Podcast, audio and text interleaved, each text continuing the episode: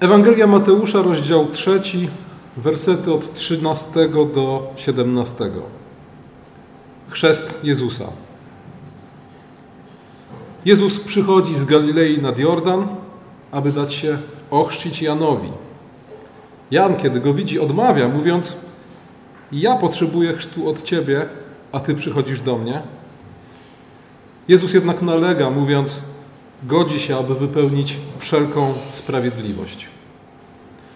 Wobec powyższego Jan chrzci Jezusa, a kiedy Jezus został ochrzczony i wyszedł z wody, otwierają się niebiosa, Duch Boży pod postacią gołębicy spoczywa na nim, a z nieba rozlega się głos: Ten jest syn mój umiłowany, którego sobie upodobałem. Jan Chrzciciel, podobnie jak Jezus, pojawia się na początku Ewangelii jako dziecko, a potem na wiele lat znika z pola widzenia. Na samym początku dowiadujemy się o cudownym poczęciu Jana. Nie tak cudownym jak poczęcie i narodzenie z dziewicy, ale jednak.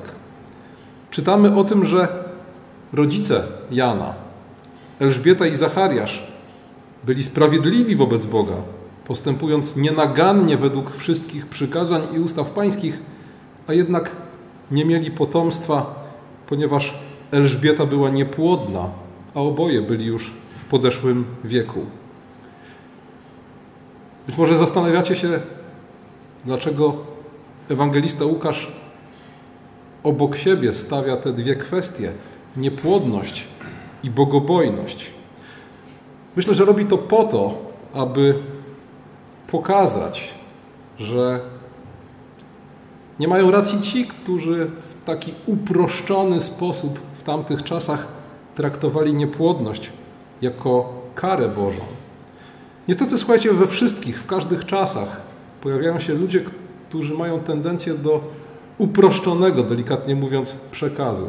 I myślą sobie tak, skoro dzieci są darem Bożym, skoro Bóg otwiera łono, to jeśli jakaś kobieta jest niepłodna, to może to oznaczać tylko jedno: gniew i karę Bożą.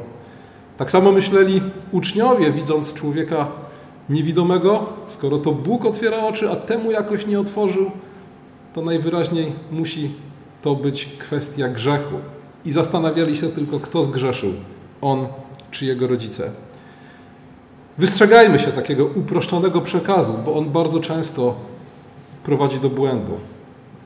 Z faktu, że Bóg otwiera łono, nie wynika jeszcze, że każda niepłodna kobieta jest dotknięta gniewem Bożym i właśnie to chciał przy okazji niejako na marginesie przekazać nam ewangelista Łukasz.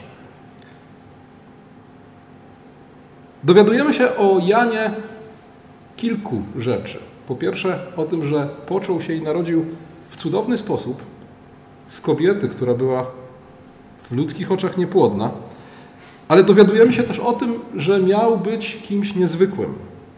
Anioł do Zachariasza mówi tak: Nie bój się, Zachariaszu, wysłuchana została modlitwa Twoja, i żona Twoja Elżbieta urodzi Ci syna, i nadasz mu imię Jan.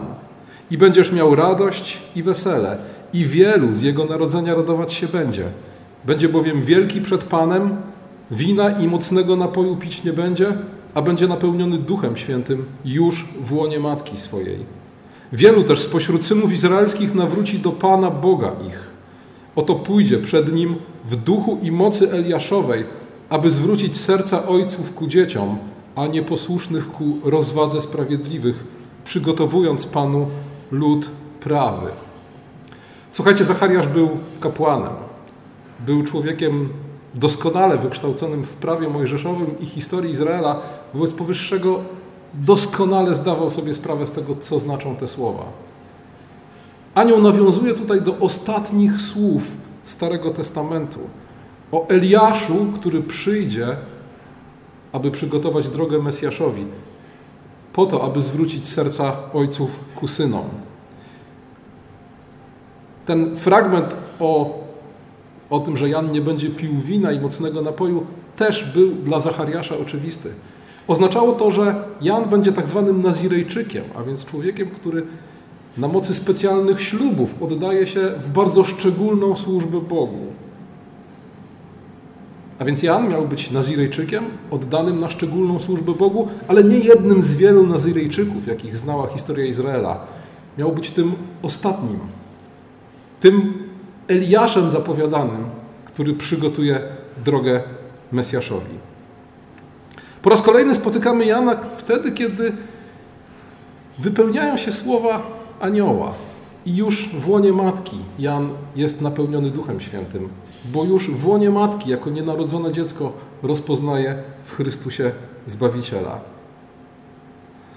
Potem widzimy narodziny Jana, nadanie imienia i wsłuchujemy się w pieśń Zachariasza, gdzie Zachariasz, zestawiając ze sobą w poetycki sposób szereg tekstów Starego Testamentu, ogłasza, że Ty, dziecię, mówiąc o Janie, będziesz nazwany prorokiem Najwyższego, będziesz poprzedzać Pana, przygotowywać Mu drogi, aby Jego ludowi dać poznać zbawienie przez odpuszczenie grzechów. I to znowu jest nawiązanie do ostatnich słów Starego Testamentu.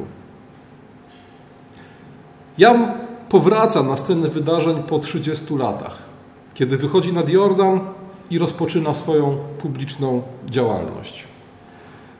Widzimy od razu, że jest wystylizowany, mówiąc brzydko, na Eliasza. Ten skórzany pas wokół bioder, te długie włosy, to wszystko Izraelitom kojarzyło się z nikim innym, właśnie z Eliaszem. Król Achazjasz, kiedy od swoich posłańców usłyszał o długowłosym człowieku przepasanym skórzanym pasem wobec, wokół swoich bioder, od razu wiedział, że chodzi o Eliasza. A więc przychodzi Jan, który wygląda jak Eliasz, o którym wcześniej zapowiadano, że będzie Eliaszem i co do którego sam Jezus potwierdza, że Eliaszem, tym ostatnim posłańcem, który przygotowuje drogę Mesjaszowi, był. Ewangelii Marka w dziewiątym rozdziale czytamy o tym, jak uczniowie pytają Jezusa, czemu uczeni w piśmie twierdzą, że wpierw musi przyjść Eliasz? Jezus odpowiada, Eliasz przyjdzie. Co więcej, Eliasz już przyszedł. I w Ewangelii Mateusza w 11 rozdziale, w 14 wersecie Jezus mówi wprost: On był Eliaszem. A więc wychodzi po 30 latach Jan nad Jordan, wygląda jak Eliasz i co robi? Wzywa wszystkich do nawrócenia. Woła: Upamiętajcie się, albowiem przybliżyło się Królestwo Niebios. Ale nie tylko wzywa do nawrócenia, chrzci, zanurza ludzi w wodzie na znak odpuszczenia grzechów. Czytamy w Ewangelii Mateusza w trzecim rozdziale, w szóstym wersecie, że ci ludzie, którzy byli chrzczeni przez Jana w Jordanie, wyznawali przy tej okazji swoje grzechy. Wezwanie do nawrócenia. To jest dla nas zrozumiałe. Mniej więcej tego spodziewalibyśmy się po proroku, który miał przyjść i przygotować Izraela na przyjście Mesjasza. Ale skąd ten chrzest? Dlaczego Jan zanurza ludzi w wodzie? Co ciekawe, ewangeliści opisują chrzest, ale nie zadają sobie trudu, żeby nam wyjaśnić, dlaczego chrzest. Dlaczego zanurzenie w wodzie miało być znakiem tego nawrócenia i przygotowania na przyjście Królestwa Bożego. Jak zapewne dobrze pamiętacie, Jan generalnie był człowiekiem dość szorstkim. Był człowiekiem dość dziwnym, nawet jak na standardy tej pełnej dziwaków, fałszywych proroków i mesjaszy krainy. Był człowiekiem szorstkim, bo słynął z tego, że ludziom mówił rzeczy, po których robiło im się przykro. Na przykład Herodowi przypominał, że grzeszy żyjąc z żoną swego brata. Ludzi, którzy przychodzili do niego do chrztu, zamiast jakimś ciepłym słowem zachęcić, nazywał plemieniem żmijowym. A słuchajcie, nie ma chyba gorszego, gorszej obelgi dla kogoś wychowanego na Starym Testamencie niż plemię żmijowe. Pamiętamy, to, co Bóg mówi w raju do Ewy i do węża. Ustanawia nieprzyjaźń między potomstwem kobiety a potomstwem węża. I od tej pory każdy Izraelita, który przeczytał ten fragment, już wie, że ci dobrzy to potomstwo kobiety, a ci źli to właśnie plemię żmijowe, potomstwo węża. A więc w taki sposób wita Jan ludzi, którzy przychodzą nad Jordan, aby się ochrzcić. Więcej, mówi do nich, plemię żmijowe, któż wam poddał myśl, aby uciekać przed przyszłym gniewem? Wydawajcie owoce godne upamiętania i nie próbujcie wmawiać w siebie ojca mamy Abrahama. Powiadam wam bowiem, że Bóg może z tych kamieni wzbudzić potomstwo Abrahamowi. A już i siekiera do korzenia drzew jest przyłożona, wszelkie więc drzewo, które nie wydaje dobrego owocu, zostanie wycięte i w ogień wrzucone. A zatem, jeśli ktoś taki każe ludziom zanurzać się w wodzie, to zapewne znowu po to, aby im w jakimś sensie wyrządzić przykrość. I tak rzeczywiście było. Ten chrzest musiał wywoływać u Żydów przykre skojarzenia. Jeśli Jan wzywa ich do tego, aby przyjmowali chrzest, to co tak naprawdę im w ten sposób komunikuje? Po pierwsze, być może, jest to bardzo prawdopodobne, Jan nawiązywał w ten sposób do obrzędu chrztu prozelitów. Obrzędu, który nie był nakazany prawem mojżeszowym, był elementem żydowskiej tradycji. Polegał on na tym, że prozelitę, poganina, który chciał zostać Izraelitą, któremu nie wystarczał status pobożnego poganina, takiego człowieka się obrzezywało i chrzciło. Zanurzało w wodzie na znak tego, że oto ten człowiek obmywa się z brudów pogaństwa. Jeśli Jan każe się ludziom chrzcić, to komunikuje im w ten sposób: jesteście tak samo brudni jak poganie. I tak samo potrzebujecie oczyszczenia z grzechów. Dalej, w pierwszym liście do Koryntian, w dziesiątym rozdziale, w drugim wersecie apostoł Paweł mówi o przejściu przez Morze Czerwone jako o chrzcie w Mojżesza. Jeśli wzywając ludzi do chrztu, Jan wywoływał u nich skojarzenie z przejściem przez Morze Czerwone, to to też było dla nich przykre, bo to oznaczało jesteście w domu niewoli. Musicie przejść przez morze, aby z tego domu niewoli wyjść. A zatem Jan wzywa ludzi do nawrócenia w symboliczny sposób, poprzez chrzest komunikując im, że są brudni jak poganie i są niewolnikami grzechu. Królestwo Boże się przybliża, dlatego musicie nawrócić się, upamiętać, porzucić dotychczasowy styl życia, obmyć się z brudów pogaństwa i uwolnić z niewoli grzechu. Kiedy do chrztu przystępuje Jezus, ta symbolika się nieco komplikuje. No bo Jezus nie potrzebuje ani nawrócenia, ani przebaczenia grzechów. Jezus nie musi się przygotować na nadchodzące królestwo, bo On sam jest tym nadchodzącym królestwem. W 12 rozdziale Ewangelii Mateusza, w 28 wersecie Jezus mówi: Jeśli wyganiam demony duchem Bożym, wtedy nadeszło do Was Królestwo Boże. Zwróćcie uwagę na ten czas przeszły. Królestwo Boże już nadeszło. A w którym punkcie historii jesteśmy? Jeszcze przed ukrzyżowaniem, jeszcze przed zmartwychwstaniem, jeszcze przed zesłaniem Ducha Świętego. A jednak Królestwo Boże już nadeszło. Choć na pierwszy rzut oka niewiele się zmieniło. Dalej rządzi Herod do spółki z Piłatem. Ale Królestwo już nadeszło, bo Chrystus jest Królestwem sam w sobie. Ale oprócz tego, że jest tym królestwem, który nadchodzi, jest też nowym, prawdziwym Izraelem. Królem, kapłanem i prorokiem, oczekiwanym Mesjaszem i Synem Bożym. I co ciekawe, w symbolice chrztu, oprócz tego obmycia z brudów pogaństwa i wyjścia z Egiptu, mieści się wiele innych rzeczy, które doskonale ilustrują ten moment w historii zbawienia, ten moment, w którym Chrystus rozpoczyna swoją publiczną działalność.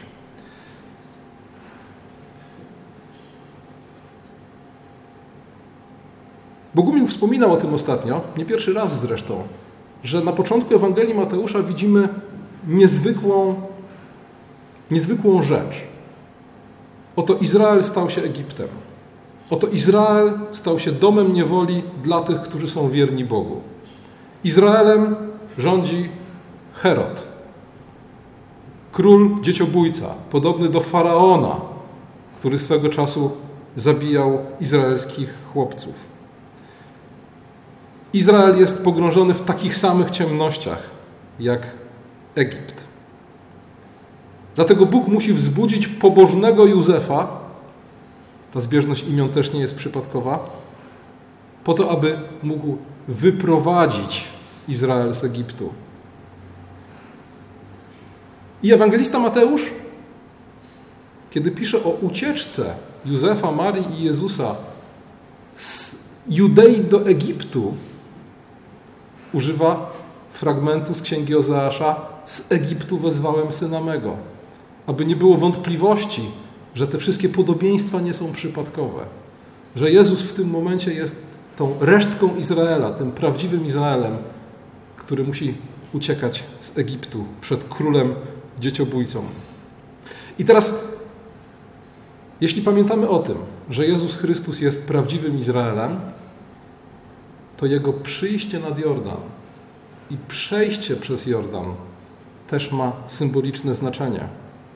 Wszystko wskazuje na to, że Jezus przyjmował chrzest w dokładnie tym samym miejscu nad rzeką Jordan, gdzie Izraelici przekraczali tę rzekę, aby wziąć w posiadanie ziemię obiecaną. A więc chrzest Jezusa wśród innych symbolicznych elementów ma również ten. Oto nowy Izrael przychodzi, przekracza wody Jordanu, aby wziąć w posiadanie ziemię obiecaną. Krótko mówiąc, królestwo nadchodzi. Kiedy Jan mówi, przybliżyło się Królestwo Boże, to w tym momencie ono, ono już jest tutaj. Nowy Izrael przechodzi przez Jordan, aby wziąć w posiadanie ziemię obiecaną. Dalej, chrzest Jezusa jest też początkiem Jego działalności. I jeśli Jezus jest kapłanem, królem i prorokiem, to chrzest jest Jego kapłańską ordynacją, proklamacją Jego królewskiego panowania i inauguracją Jego prorockiej misji. I słuchajcie, jeśli przyjrzymy się starotestamentowym obrzędom związanym z powołaniem króla, kapłana, proroka, to zobaczymy, że woda i oliwa, która jest symbolem Ducha Świętego, we wszystkich tych obrzędach się pojawiają. Kapłan przed ordynacją dokonywał obmyć, zanurzał się w wodzie.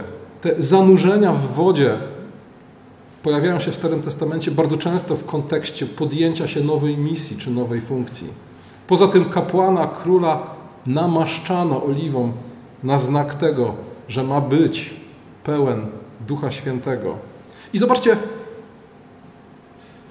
król, kapłan, prorok, Jezus Chrystus zanurza się w wodzie, ale nie potrzebuje już namaszczenia oliwą na znak tego, że ma zostać napełniony Duchem Świętym, bo oto Duch Święty w widzialnej postaci wstępuje na niego. I co więcej, przy tej okazji otwierają się niebiosa. To jest też, słuchajcie, nawiązanie do księgi Izajasza. Otwierają się niebiosa, a z nieba odzywa się głos: Ten jest syn mój umiłowany. Co ciekawe, w tym wszystkim, w tej całej bogatej symbolice, jest też zapowiedź śmierci Chrystusa. Ten aspekt symboliki chrztu, powiązanie chrztu ze śmiercią, najwyraźniej widzimy u apostoła Pawła. W liście do Rzymian w szóstym rozdziale, w trzecim wersecie apostoł Paweł pisze czy nie wiecie, że wszyscy ochrzczeni w Chrystusa, my wszyscy ochrzczeni w Chrystusa, w Jego śmierci staliśmy od ochrzczeni? W ten sposób Paweł ukazuje nam symbolikę chrztu jako zejście do grobu i powstanie do nowego życia. Jeśli jesteśmy ochrzczeni w Chrystusie, to tak jakbyśmy umarli dla świata i grzechu, a powstali do nowego życia dla Boga.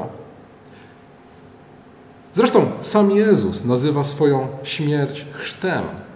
Kiedy w Ewangelii Marka w 10 rozdziale, w 39 wersecie mówi do swoich uczniów: Kielich, który ja piję, pić będziecie, i chrztem, którym jestem ochrzczony, zostaniecie ochrzczeni.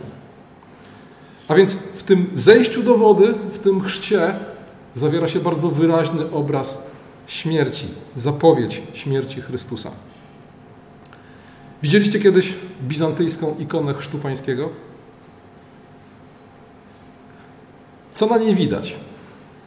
No, jak zapewne wiecie, ikony są mało realistycznym malarstwem, za to bardzo symbolicznym. Na ikonie chrztu pańskiego widzimy wypełniony wodą grób.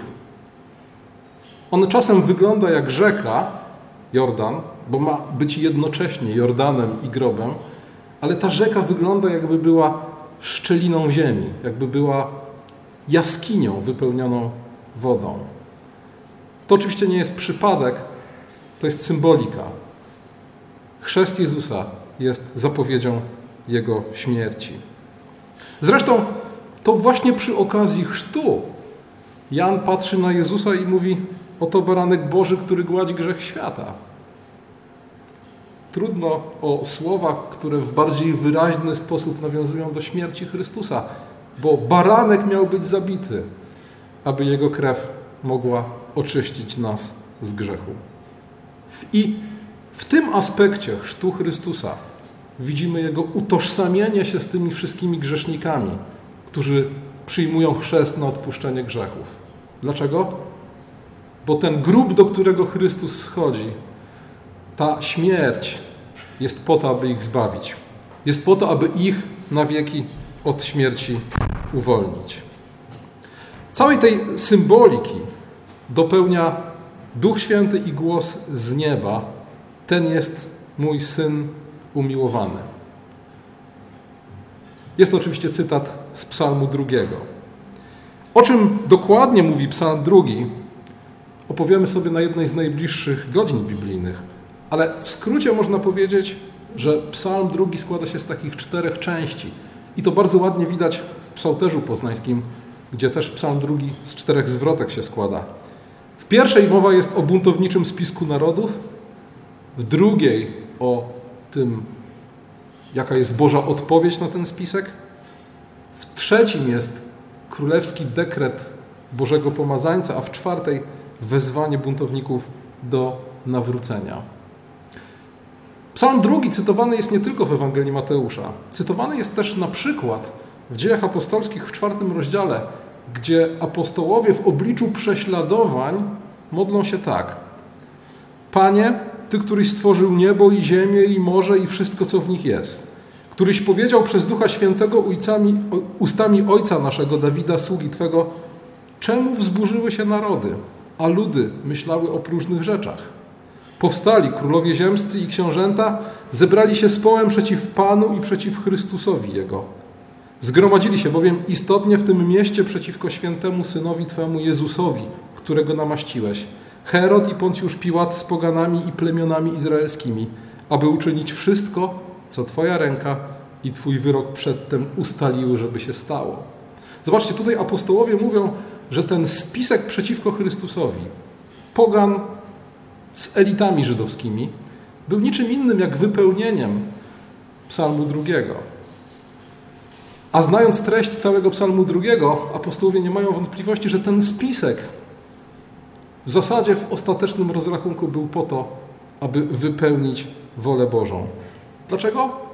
Bo ludzie nie są w stanie pokrzyżować Bogu planów. I dlatego w Psalmie drugim, kiedy czytamy o tym buntowniczym spisku narodów, widzimy Boga, który śmieje się z tych zamiarów. Śmieje się w tym sensie, że On doskonale wie, że w ostatecznym rachunku wszystko potoczy się zgodnie z Jego wolą. I dlatego psalm drugi przywoływany jest też w 13 rozdziale dziejów apostolskich w kontekście zmartwychwstania. Psalm drugi jest zapowiedzią zmartwychwstania Chrystusa. Inne wątki, które się w psalmie drugim pojawiają, takie jak żelazna rózga, którą Mesjasz będzie pasł narody. Księga Objawienia. Glina w rękach garncarza. List do Rzymian. To wszystko razem pokazuje nam cały kontekst tej historii. To wszystko razem ukazuje nam historię, którą znamy z Ewangelii.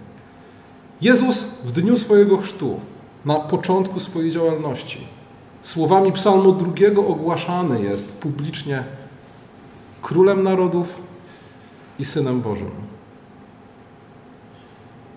I słuchajcie, często tak jest, że kiedy w jakimś kontekście padają słowa jednego wersetu psalmu, to tak naprawdę powinniśmy pamiętać, że w tym miejscu mógłby, a w pewnym sensie nawet powinien pojawić się cały psalm. Kiedy Jezus woła na krzyżu Boże mój, Boże mój, czemuś mnie opuścił, to to nie jest tylko i wyłącznie pieśń rozpaczy. Bo kiedy doczytamy psalm 22 do końca, to wiemy, że ostatecznie ten psalm mówi o triumfie Chrystusa. Triumfie Chrystusa zmartwychwstałego.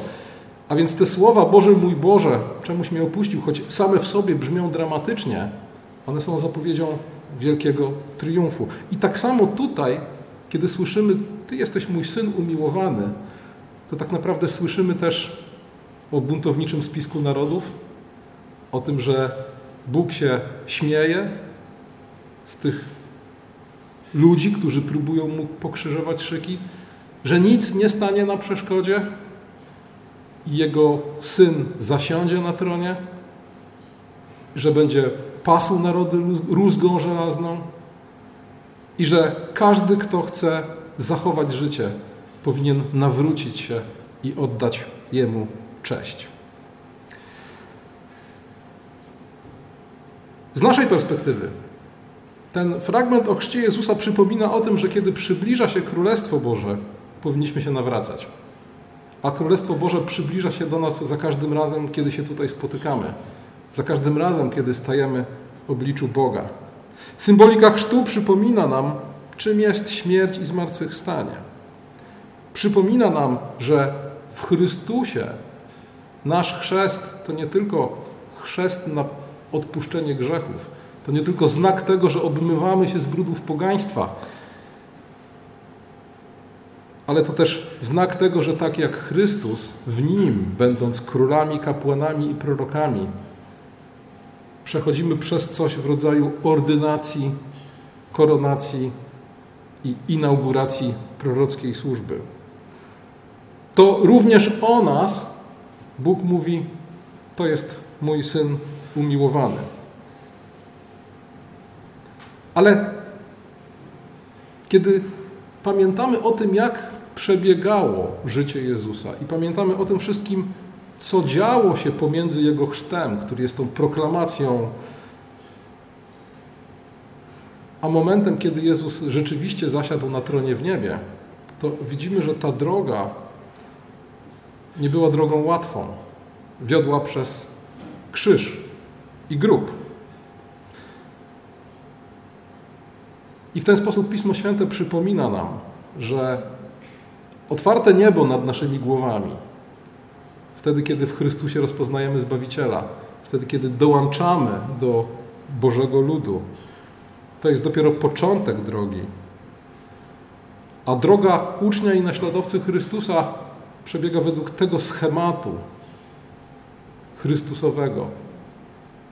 Prowadzi do tronu w niebie, ale przez krzyż i grób. Amen.